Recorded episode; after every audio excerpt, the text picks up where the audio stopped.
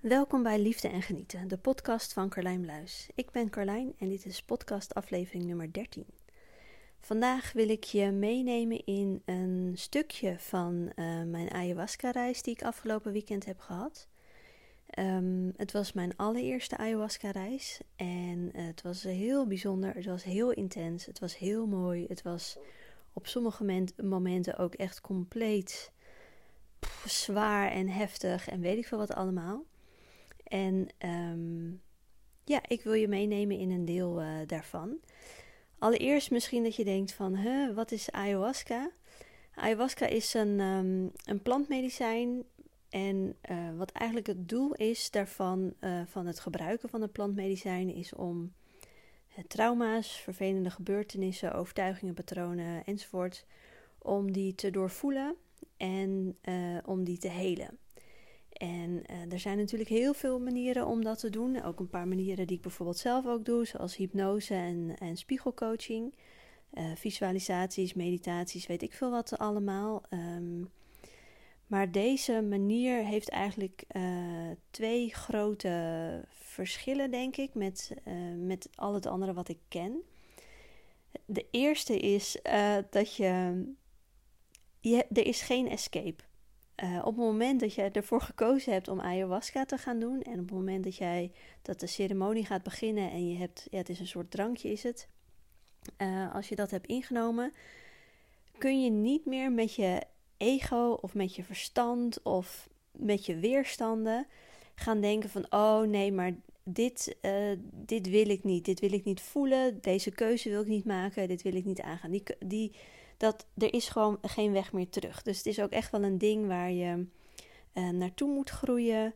Um, en het is ook, denk ik, zeker ook een ding die uh, niet voor iedereen is. Niet iedereen zal dit uh, willen of niet iedereen zal er hiervoor kiezen. En dat is helemaal oké.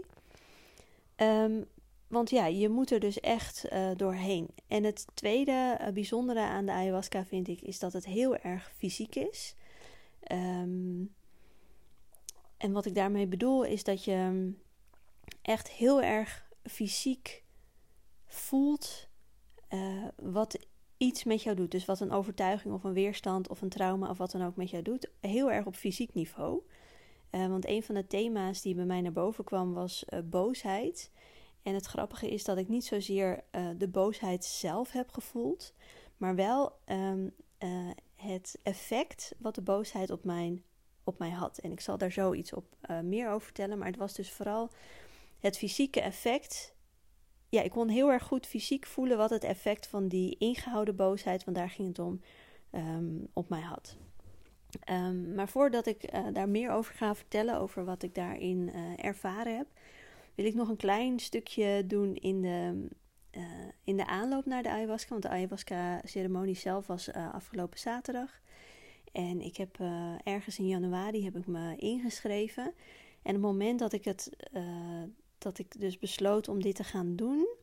Uh, want ik had het al langer, was ik aan het twijfelen. Ga ik dit wel doen of ga ik dit niet doen? Is dit wel wat voor mij? Maar in januari voelde ik van nee, het is voor mij de tijd om dit te gaan doen. Dus ik had me ingeschreven, ik aangemeld. En toen, dan gaat het eigenlijk al beginnen. En het eerste wat uh, gebeurde is dat um, mijn ego, een situatie, of mijn ego, ja, hoe wil je het noemen. Er gebeurde in ieder geval iets, ik trok iets aan in mijn realiteit, die mijn ego deed twijfelen, zo moet ik het zeggen. Uh, want ik heb een uh, vriendin, die heeft ook al, die heeft eerder al ayahuasca gedaan. En uh, nou, ik voelde me dus heel veilig om haar te, tegen haar te zeggen van... Oh, ik ga, ik ga een ayahuasca-ceremonie doen. En wat gebeurde er vervolgens? Zij ging allemaal vragen stellen of ik wist welke ayahuasca, uh, welke planten er gebruikt werden. Uh, ik weet het niet eens, maar, maar heel veel technische vragen waar ik het antwoord niet op wist. Of in ieder geval niet precies het antwoord op wist. En zij kwam vervolgens met allerlei informatie en uh, nog weer verder vragen, maar weet je wel zeker dat dit en nou ja, ze, wel heel verstandelijk was zij, zij bezig en ze wilde echt voor zorgen van nou, um, is het allemaal, uh, ja, gaat het allemaal wel op de goede manier, zeg maar. En uh, ik werd daar heel onrustig van, of gestrest eigenlijk van. Ik merkte dat dat heel veel met mij deed. En ik ging ook echt twijfelen van, ja, maar is het dan wel de bedoeling? En moet ik niet verder gaan zoeken naar iemand anders? Want de persoon waar ik het nu mee gedaan heb, die, uh, die ken ik al een tijdje. En ik heb meerdere dingen bij haar gedaan. Uh, maar ik ging toch twijfelen of ik niet nog meer dingen uit moest zoeken. En of ik dus vooral uh, nog veel meer met mijn verstand een keuze moest gaan maken.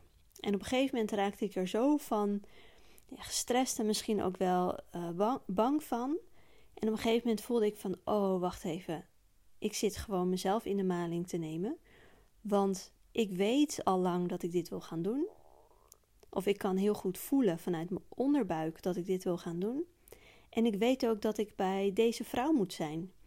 Dus um, het maakt allemaal niet uit wat die vriendin um, zegt en welke vragen ze stelt. En um, ja, wat ik daar allemaal uh, of ik dat allemaal precies weet uh, dan wat het, uh, wat het allemaal is. Um, ik kon opnieuw, mocht ik gaan voelen van oké, ik heb me nou wel ingeschreven, maar ik mocht opnieuw naar mijn onderbuik gaan en voelen van oh ja, nee, dit is echt een bewuste keuze vanuit mijn intuïtie.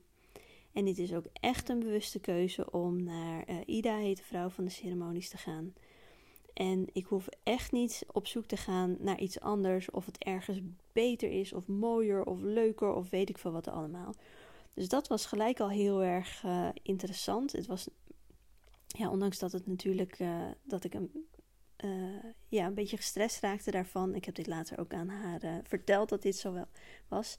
Kon ik ook heel erg dankbaar zijn dat dit gebeurde. Want daardoor kon ik nog een keer bewust, dus ja, wat ik al zei, die keuze gaan maken van dat ik dit wil en ook bij, bij de persoon die, uh, bij wie ik dat ging doen. Dus dat was volgens mij binnen een dag al wat er, wat er gebeurde. Um, verder in de weken uh, daar gebeurde er ook uh, van alles. Zo was ik bij een therapeut. En op een gegeven moment kwam er iets naar boven en toen hoorde ik mezelf zeggen van ja, ik ben vroeger geslagen bladibladibla. En toen zei ze van ja, wat je nu vertelt, dat klinkt als mishandeling. Nou, ik moest daar even over nadenken. Of tenminste, ik, ik, ik had dat nooit zo genoemd. Ik heb dit vroeger altijd genoemd van nee, ik, ik ben geslagen. Um, en toen uh, we het uh, daarover hadden met haar, toen voelde ik ook echt de impact daarvan. Van oh ja, shit, het is niet zomaar eventjes geslagen het is, het is inderdaad mishandeling geweest. En dit is iets wat, uh, ik ben bijna 40, nou zeg 30 jaar geleden is gebeurd. Ongeveer. En pas nu voelde ik de impact die het nog steeds op mij heeft. En uh, hoe groot het eigenlijk was. Um, en ik, had het, ik heb hier ook een, een post over geschreven op Instagram over, over het glammeren. Dat ik het ja, een beetje zo wegwimpelde van, oh ja, het was geslagen en zoveel pijn deed het niet. En nou ik maakte, ik maakte het kleiner dan dat het was. En ik kon dus voelen tijdens die, dat gesprek wat we hadden, hoe groot het eigenlijk was en hoeveel impact het had. Dus dat was één ding die, uh, die gebeurde. Of eigenlijk het tweede ding al. Het eerste was natuurlijk uh, uh, het, het gesprek wat ik met die vriendin had over, over überhaupt over het ayahuasca zelf. Uh, wat er nog meer gebeurde is. Ik zit ook even te kijken of ik dat op heb geschreven. Nou, een ander ding uh, wat gebeurde in. Uh, dat was de, de week ervoor. Dus de, de laatste week voor de ceremonie zelf. Ik was echt bloedzagrijnig. Uh, ik moest ook ongesteld worden, dus qua timing was dat ook echt perfect. Want dan, ik kan als de week voordat ik ongesteld moet worden, kan ik altijd uh, veel fijner aanvoelen uh, waar mijn irritaties zitten, waar mijn boosheid zitten, waar, waar dingen wringen, zeg maar. En dat kun je zien als iets negatiefs. En het is ook echt, ja, het voelt op zo'n moment voelt het ook niet heel erg fijn. maar ik kies ervoor om het te zien als iets positiefs, want het zegt mij dus één keer in de maand heb ik een soort van eye-opener waar zeg maar mijn irritaties en mijn boosheid in zitten. Uh, dus het kwam echt perfect uit. En ik heb uh, die week ook uh, weinig kunnen doen qua werk. Want ik zat echt met mezelf. En de irritaties en de boosheid. En ik ben ook twee keer in de week een dag met, met Robin alleen. Dan is Guido aan het werk. Mijn man. En ik merkte ook dat het maakte bijna niet uit wat ze deed. Dat ik ook veel boosheid naar, naar, naar boven kwam. En dat ja, dat vind ik helemaal niet fijn natuurlijk om dat naar haar te uiten. Want ik weet dat er wat onder zit. En ik weet dat het niet is omdat zij per se iets doet, maar dat het, dat het meer een trigger is. Dus die hele week ging al, ging al over, over boosheid. Ehm, nog weer een paar dagen daarvoor, bedenk ik me nu, was er iemand ehm, tegen onze auto aangereden met iets van een bestelbus of een vrachtwagen. Ik weet niet precies, want onze auto stond geparkeerd, dus wij waren er niet bij. En ik was bezig met uh, um, zo'n schadeformulier heen en weer. En oh, dat kostte me allemaal energie, want ik had het dan ingevuld en hij was wat vergeten. En dan kreeg ik het weer terug en dan was mijn gegevens waren weer weg. En dan moest ik het weer opnieuw invullen. Nou, het, het zoog echt energie. Uh, natuurlijk heel fijn dat er überhaupt iemand was die verantwoordelijkheid nam voor het feit dat hij tegen onze auto aangereden was. Maar het, het zoog echt energie. En uh, nadat ik het allemaal geregeld had, zat ik op de bank. En toen hoorde ik mezelf denken: Nou, het heeft toch geen zin om hier boos om te zijn, want het is al gebeurd en het is al geregeld. De formulieren zijn ingevuld. Dus je hoeft hier niet meer boos om te worden. En het grappige is dat dat niet iets is wat ik mezelf heb aangepraat. Dit is echt iets wat ik uh, vroeger heb gehoord. Dus dat inzicht dat ik eigenlijk mijn boosheid dus zat te onderdrukken, kwam ook ik denk anderhalve week voor, uh, voor de ceremonie kwam dat naar boven. En toen dacht ik, oh, dat is een interessante. Want blijkbaar is er dus iets, of heb ik dingen gehoord vroeger, um, die mij ervan weerhouden, nu nog steeds in mijn volwassen leven, nu vandaag of toen, um, om echt boos te worden. En uh, dat er dus blijkbaar voorwaarden aan moeten zitten om wel of niet boos te mogen worden. Dus als iets al geregeld is en je kunt er niks meer aan doen, dan mag je er niet meer boos worden of zo. En dat inzicht kwam dus, want ik vind dat, als ik daarover nadenk, vind ik dat echt puur onzin. Als jij boos bent, ben je boos. Of het nou reëel is of niet. Die emotie zit er, kan je verder niks aan doen. Uh, kan je wel goed proberen te, te kletsen. Uh, maar die boosheid is er. En uh, het wegkletsen zorgt er eigenlijk alleen maar voor dat je het inslikt, dat je het onderdrukt.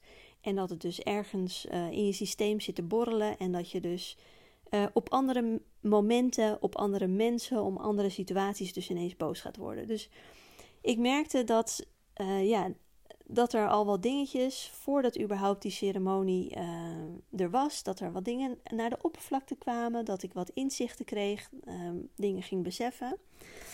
Um, dus dat was al heel erg interessant.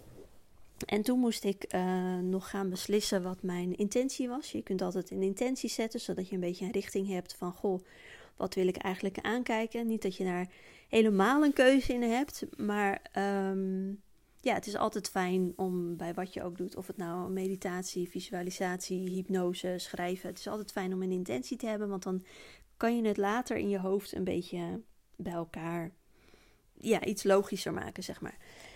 En mijn intentie was uiteindelijk um, ik hoorde heel erg de vraag: wat houdt mij tegen? Wat houdt mij tegen? Wat houdt me tegen om mezelf te zijn? Wat houdt me tegen om mezelf te uiten? Wat houdt me tegen om te doen wat ik wil doen? Dat was echt uh, mijn vraag. Uh, en dat heb ik dus mogen voelen. Er zijn in, uh, in de ayahuasca die ik gedaan heb, zijn er twee rondes vlak achter elkaar. Elke ronde duurt iets van drie of vier uur. Ik weet ook niet precies of de eerste ronde korter was dan de tweede ronde. Zo, dat leek het. Um, en in de eerste ronde gebeurde er al heel veel. Maar dat thema over uh, die woede, die dus in de tweede ronde, die kwam dus in de tweede ronde heel erg uh, naar boven. Uh, de tweede ronde is meestal heftiger. En dat was zeker voor mij zo. En dat, ja, dat, daar heb ik dus die woede aan gekeken. En het grappige was ook dat ik dus in de eerste ronde had ik nog wel wat, wat beelden. Dus ik zag wat ja, ik heb wat, wat beelden voorbij uh, zien komen die me wel wat, wat zeiden. En in de tweede ronde kan ik me niet herinneren dat ik dingen gezien heb. Ik kan me wel heel goed herinneren dat ik dingen gevoeld heb. Het was echt een hele, hele fysieke uh, ervaring. En het draaide dus om die boosheid. En ik zal proberen om het zo duidelijk mogelijk uit te leggen wat er nou allemaal gebeurde. En wat het voor mij nu al heeft betekend. En het is nog geen week geleden dat, het, dat die ceremonie is geweest. Maar ik kan nu al merken en nu al inzichten gekregen wat het allemaal gedaan heeft met mij. En wat, ja, wat voor een opluchting het is en wat voor een shit er is losgelaten. Um, ballast is losgelaten, weet ik veel wat allemaal. Um, ja, wat er gebeurde is uh, eigenlijk. Um, ja, en ik, ik, zeg nu van ik zag een soort filmpje voor me, maar het was dus vooral. Ik voelde een soort filmpje. Het was alsof ik. Alsof er elke keer een, een, uh, hetzelfde filmpje begon. Maar dus hetzelfde filmpje in voelen en niet per se in zien. En elke keer begon het weer en elke keer kwam ik een stapje verder. Dus eerst zag ik, voelde ik de eerste 10 seconden en daarna 12 seconden en daarna 14 En elke keer begon het weer opnieuw. En elke keer kon ik weer een stapje verder zetten. Kon ik weer een stapje verder komen in het, het voelen en het realiseren wat dat met uh, mij deed. En doet nog steeds uh, wat met mij. Ik merk dat als ik hierover praat, dat ik een beetje misselijk word. En nou, je hoort misschien een beetje, een beetje boeren, excuses daarvoor. Maar het doet nog steeds heel veel in mijn systeem. En het, uh, wat er dus als eerste gebeurde. Um, kijk ook even mijn notities nog. Uh... Oh ja. Het eerste wat ik uh, merkte, ik lag sowieso in een foetushouding. Met mijn knieën opgetrokken en met mijn handen voor, voor mijn borst. Of misschien wel tegen, tegen mijn kin aan. Dus ik lag heel erg in foetushouding. En bij ayahuasca uh, staat er wel onbekend dat je daar uh, misselijk in kunt worden. En um, dat voelde ik ook heel erg. Ik voelde een enorme misselijkheid opkomen. En ik wist ook dat ik uh, juist naar dat gevoel toe mocht gaan. Juist ja, naar het gevoel van die misselijkheid toe mocht gaan om het echt te doorleven en te doorvoelen. En die misselijkheid die ging toen over in een soort van brandend gevoel. Een soort, en niet op een fijn brandend gevoel. Alsof je in de fik staat en niet, oh ik sta in vuur en vlam van jou, maar alsof je in de fik staat, alsof je wegbrandt, alsof je oh, een soort van hele heftige maagzuur hebt, zeg maar. En dit voelde ik op verschillende plekken in mijn lijf. En ik weet niet meer precies op welke plekken, omdat er zoveel gebeurde. Maar volgens mij was het in mijn onderbuik of in mijn heupen voelde ik dat heel erg. Um, volgens mij ook inderdaad in, eh, in, mijn, in mijn borstgebied, in mijn maagstreek. En ik denk ook nog ergens iets in mijn nek of in mijn, in mijn schouders of zo. Daar voelde ik dus een brandend uh, gevoel. En um, op een gegeven moment realiseerde ik me van hé, hey, ik word van binnenuit verteerd. En ik weet niet precies op wanneer dat besef kwam, maar ik realiseerde me op een gegeven moment van hé, hey, er zit zoveel woede in mij, er zit ingehouden woede die mijzelf van binnen verteert. Ik verteer mezelf doordat ik die woede er niet uitgooi. Nou, dan kwam ik weer een stapje verder in het filmpje, dus dat filmpje begon weer opnieuw. Dan voelde ik weer die, die feutushouding, dan voelde ik weer dat brandende gevoel opkomen. Dan kon ik weer realiseren, oh ja, dat ik word van binnen geverteerd. En toen, wat er toen gebeurde is, ik voelde heel erg dat mijn kaken op elkaar geklemd werden. Dus uh, mijn tanden werden als het ware op elkaar gedrukt. En die druk die nam, die nam toe. Dus je kunt wel eens voelen dat je denkt, oh ja, ik klem, uh, ik klem mijn kaken aan. Maar die druk nam zodanig toe dat ik op een gegeven moment uh, bewust dacht van nou, al komen ze hier met een breekijzer, ze krijgen mijn kaken niet van elkaar af. En als je daar dan ligt helemaal in dat gevoel in dat moment, dan lijkt dat best wel lang te duren. Maar dat zal uiteindelijk wel meegevallen hebben. Uh, maar ik voelde dus heel erg die kaakklem. Um, dus ik kon me dat realiseren dat, ik, dat er dus um, nou letterlijk misschien wel een muilkorf uh, op mij was gedaan door wat mij verteld was, door dat wat mij geleerd wordt. En nogmaals, ik weet niet precies wanneer deze inzichten allemaal kwamen, omdat er gebeurt zoveel en oh, zo intens. Um, um, dus ik probeer er nu een beetje een logisch verhaal van te maken. Uh, maar ik kon me dus realiseren met die kaakklem dat ik dus letterlijk mijn kaken op elkaar hield, omdat, ik, omdat er dingen zijn die ik niet wilde zeggen. Nou, begon het filmpje weer opnieuw. Foetus, houding, brandend gevoel, kaken op elkaar. En toen kon ik dus ook voelen van hé, hey, het is uh, boosheid en ik wil mijn boosheid niet uiten. Um, ik wil mijn boosheid niet uiten, vooral niet uh, zeggen wat er uh, precies aan de hand is. Want ik weet wel dat ik vroeger soms driftig kon zijn en dan kon ik een beetje gillen en een beetje stampen.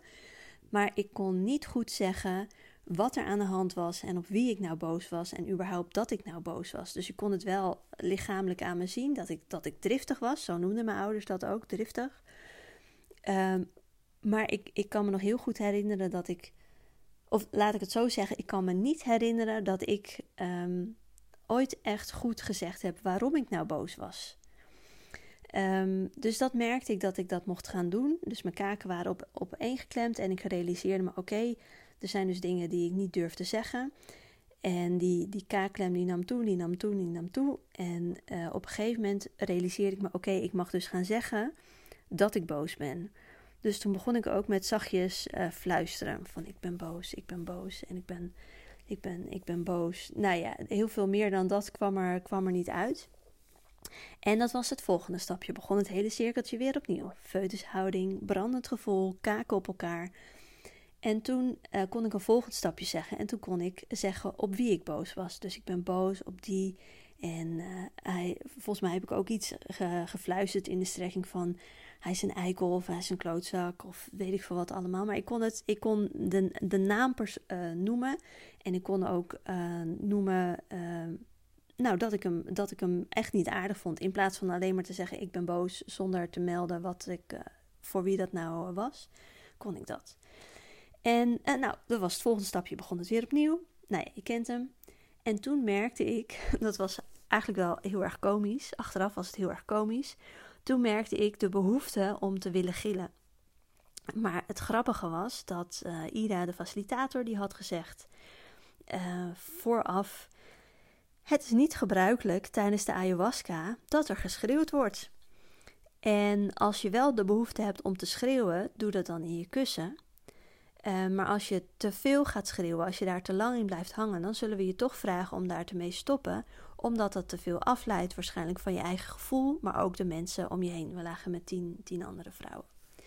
Dus op het moment dat ik me realiseerde, ik heb de behoefte om te gillen, of om te schreeuwen, dat is denk ik beter een woord, hoorde ik ook haar woorden. Het is niet gebruikelijk om te schreeuwen tijdens de ayahuasca. En ze had nergens gezegd: je mag niet schreeuwen tijdens de ayahuasca. Het was meer een uh, bedoeld als informatie van: joh, het kan zijn dat je gaat schreeuwen. Gebeurt niet vaak, maar als je het wel doet, uh, doe het dan in je kussen. Uh, want dat is helemaal prima. En dan hebben de andere vrouwen eromheen. Die kunnen ook nog verder met hun, hun proces. Maar voor mij voelde ook dat dus weer als een rem van oh shit, het is niet de bedoeling dat ik hier ga schreeuwen. Dus dat was heel erg interessant dat dat gebeurde. Volgende stap, volgende rondje weer. En uiteindelijk kon ik dus um, mijn kussen pakken en heb ik daar uh, lekker hard uh, in geschreeuwd. Een paar seconden was niet extreem lang, maar ik kon daar uiteindelijk kon ik denken van ja, maar ik moet echt schreeuwen, ik moet echt schreeuwen. Want uh, toen ik dat tegen probeerde te houden, voelde ik dus weer die misselijkheid opkomen. Dus ik wist echt van nee, ik, ik moet dit gewoon doen, ondanks dat zij gezegd heeft dat, puntje, puntje, puntje. Ik moet dit doen. Dus ik schreeuwde in mijn kussen. En op dat moment, toen ik klaar was met het schreeuwen, toen keek ik ook nog een beetje zo uh, loom op. Want ik lag, uh, ik lag natuurlijk half in die foetushouding. en toen zag ik ook, um, toen zag ik Ina, de facilitator, die zag ik ook. En zij glimde heel liefdevol naar mij. En zij keek echt zo van, uh, goed, goed gedaan meid, zeg maar, een soort van schouderklopje. En toen dacht ik, oh hè hè het is gelukt. Ik, ik heb geschreeuwd, ik heb mijn woede geuit. Maar dat was het nog niet. Begon er veel meer opnieuw. Uh, feutushouding, uh, brandend gevoel, kaakklem. En weer het gevoel dat ik moest schreeuwen. En toen dacht ik, oh ja, shit, ik moet ook... Uh, wat ik dus eerder gedaan had met dat fluisteren... Waar, waar ik eerst alleen maar kon zeggen, ik ben boos... En daarna kon zeggen op wie ik boos was en waarom dat moest ik ook schreeuwen. En ik begon met de naam voor die persoon, dus laten we hem Kees noemen. Kees. En toen begon ik te gillen, zo van ah.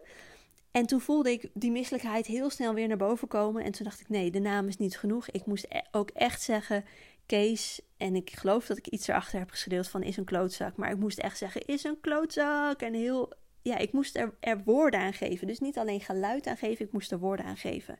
En dat was het moment waarop dat stukje film voorbij was. Ik mocht me realiseren dat ik um, dat het me van binnen verteerde. Ik mocht me realiseren dat dat er dus overtuigingen waren, dingen die ik aangeleerd heb, die, die er dus voor zorgden dat mijn kaken op, op elkaar geklemd waren. Ik mocht me realiseren dat de boosheid geuit moest, uh, mocht worden. En ook daarbij dat ik het specifiek ehm, mocht uiten naar de persoon toe, over de persoon. Ehm, nou, dat was echt uh, heel tens. Dit leek echt uren te duren. Ik weet niet hoe lang het uiteindelijk geduurd heeft, maar het, het leek echt uh, oneindig. Uh, maar dit was wel wat ik uh, te doorvoelen had en te doen had. En toen, daar kwam eigenlijk nog een vervolg op, want er is nog een tweede persoon in mijn leven waardoor ik uh, heel erg gekwetst ben en waar ik dus ook best wel boos op ben. Maar het is een persoon ja, waar je dan eigenlijk niet boos op zou mogen horen te worden, omdat het, nou ja, omdat ik een bepaalde relatie tot, uh, tot haar heb. Maar ook daar mocht ik, uh, ook dat mocht ik gaan voelen. En um, dit duurde wel veel korter, want ik had natuurlijk in dat eerste deel had ik al heel veel inzichten gekregen. Dus ik voelde opnieuw, die feutushouding, die vertering en die kaakklem. Maar toen had ik al heel snel in de gaten van oké, ik moet het dus uiten. En ik moet ook zeggen de naam van de persoon en dat ik boos op haar ben en dat ik er een trut vind. En nou ja, dus dat kon ik eerst fluisteren. Dus dat ging uh, uh, gelukkig een stuk sneller. Um, en toen mocht ik weer een stapje verder. Dus toen ging dat stukje film ging weer opnieuw. Dus dat uh, was een nieuw filmpje.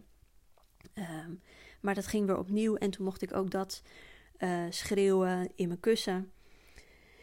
En um, het grappige daarna wat er gebeurde, is uh, ik lag dus in die feutushouding. En ik voelde dat elke keer als ik uh, wat geuit had in mijn woede, dat ik me uit kon strekken. Dus dat ik vanuit die feutushouding mijn benen kon strekken. En dan, dan kon ik weer wat vertellen waar ik boos over was. En dan kon ik uh, weer mijn benen strekken. Nou, dan begon het filmpje weer opnieuw, weer in die feutushouding. En dan kon ik weer een stapje verder en dan kon ik mijn benen strekken. Dus die hele, die hele houding um, was ook nog eens een heel, um, heel mooi inzicht. Dat ik me dus. Ik, ik, uh, ja, als je mij een keer in het echt hebt gezien, dan is het je misschien wel eens opgevallen dat ik met mijn bovenrug een beetje voorovergebogen sta. Zeg maar, mijn schouders zitten een beetje, uh, een beetje naar voren, een beetje gebogen. Uh, als het ware als een beginnende bochel. Zo erg is het gelukkig niet. Maar een beetje op die manier. En ik kon dus ook heel erg voelen hoe, hoe die boosheid um, en de bescherming tegen de boosheid en ook het fysieke geweld natuurlijk, dat dat mij heel erg uh, beschermd had. Maar ik kon ook heel erg voelen dat die tweede persoon waar ik dus boos op, uh, op was of ben, um, dat die mij op een bepaalde manier uh, klein heeft gehouden. En dat heeft zij niet bewust gedaan, althans daar ga ik van uit. Uh, maar iets in haar energie en mijn energie en onze relatie heeft ervoor gezorgd dat ik dat zij mij ziet nog steeds als een klein meisje.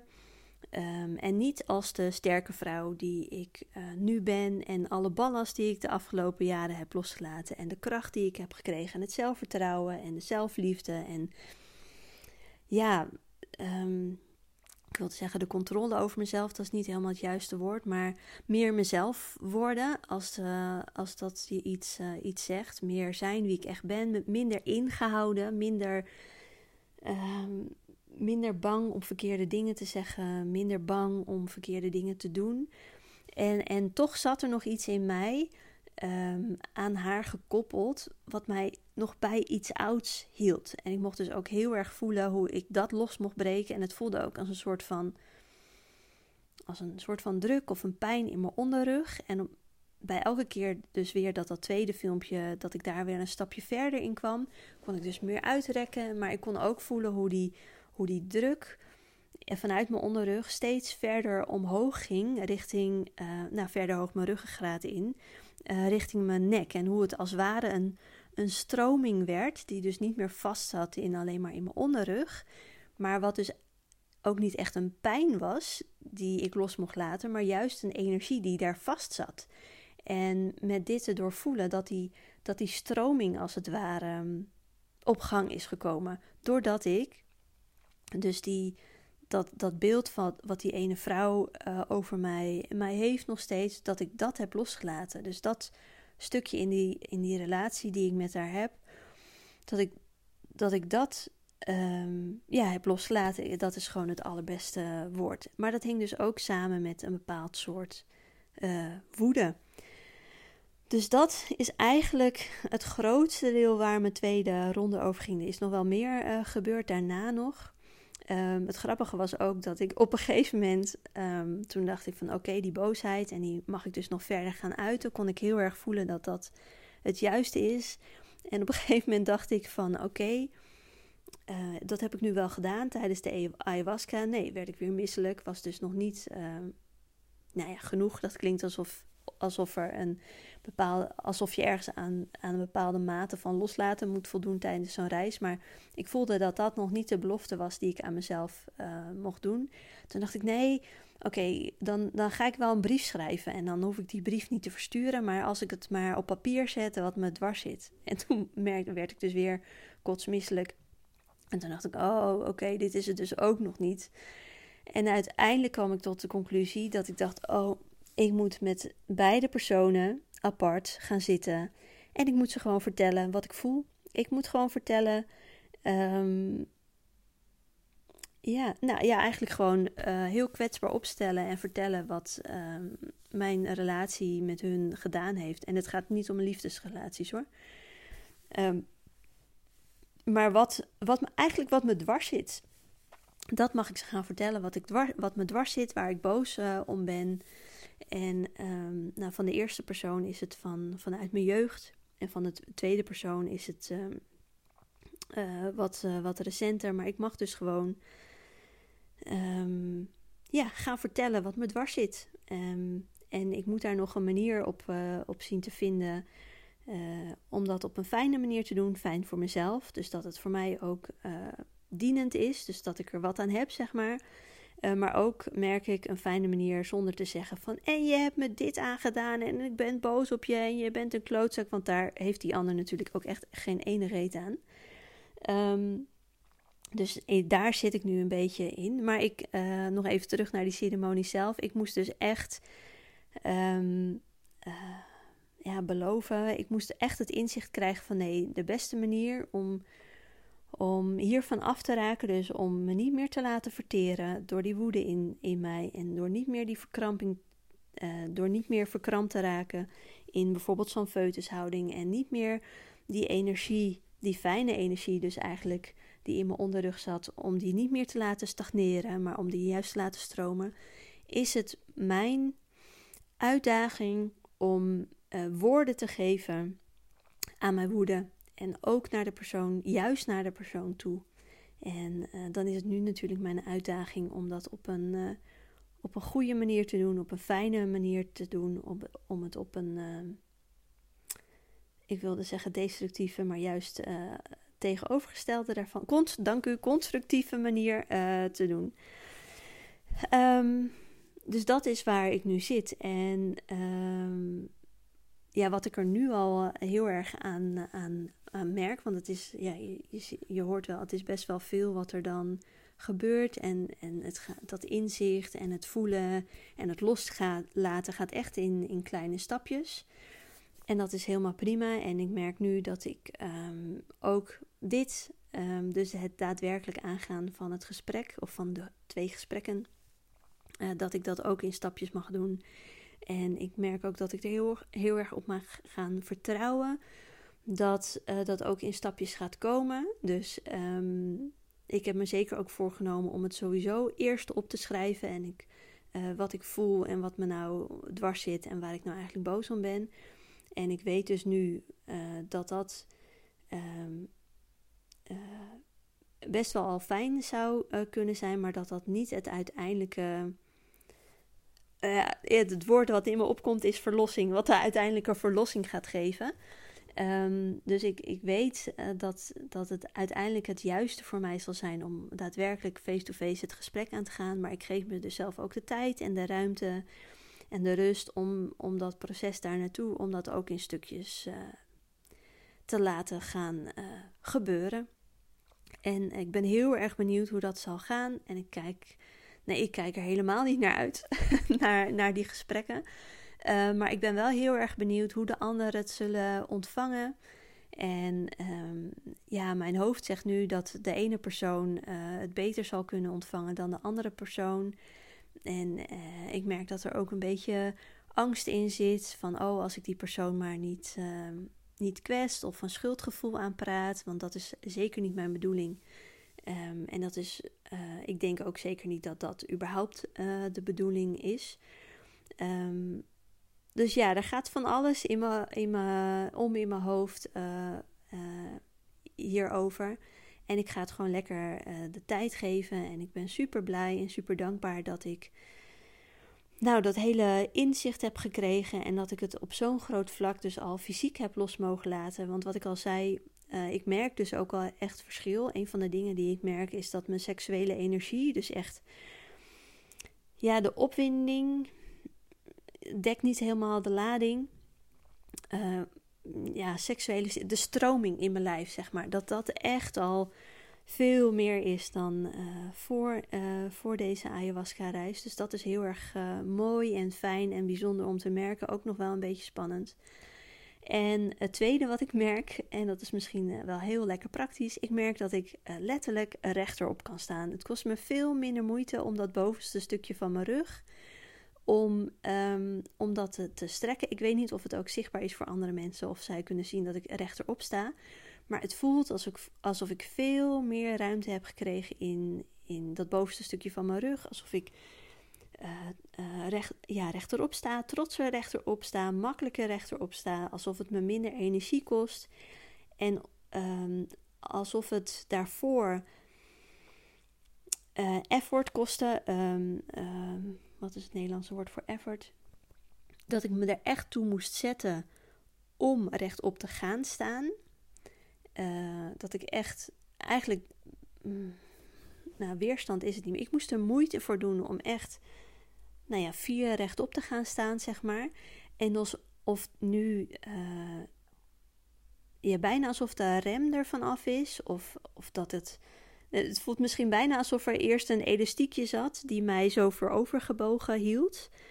En dat ik daar dus voorheen um, spanning aan moest geven of kracht aan moest geven om zelf rechtop te gaan staan. En het voelt nu alsof dus dat elastiekje weg is en ik dus niet meer tegen de trekkende kracht van dat elastiekje in hoef te werken om rechtop te gaan staan.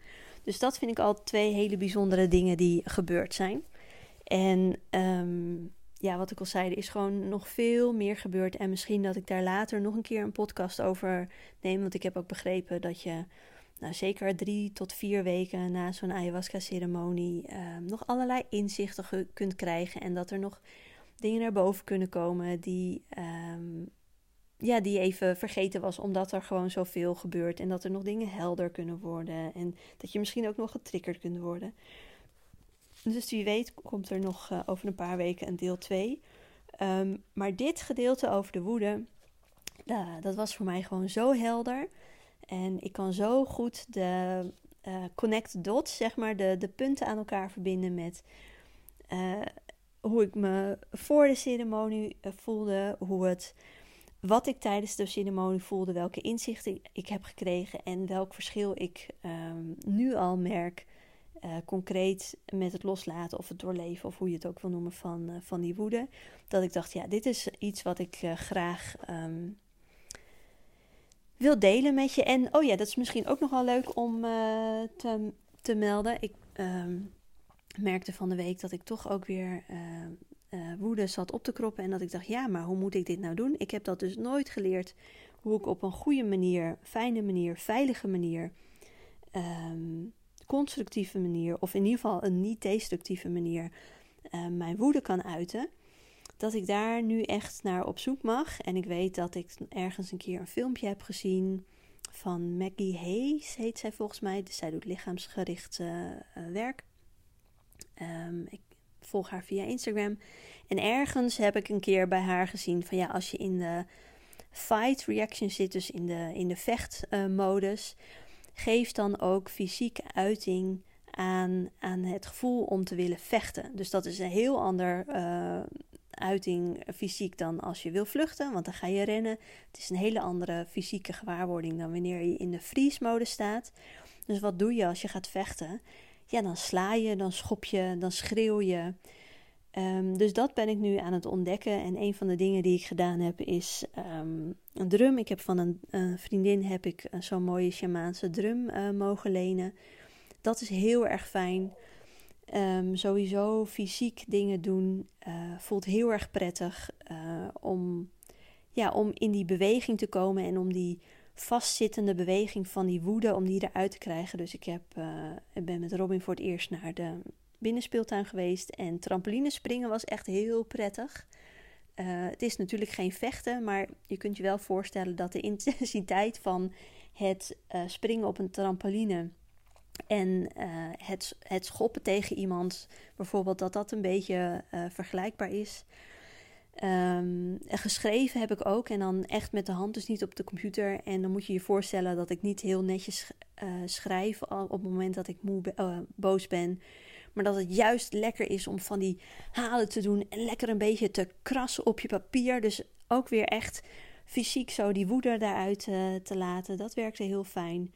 En wat ik ook heb gedaan is nog een keer gegild in een kussen.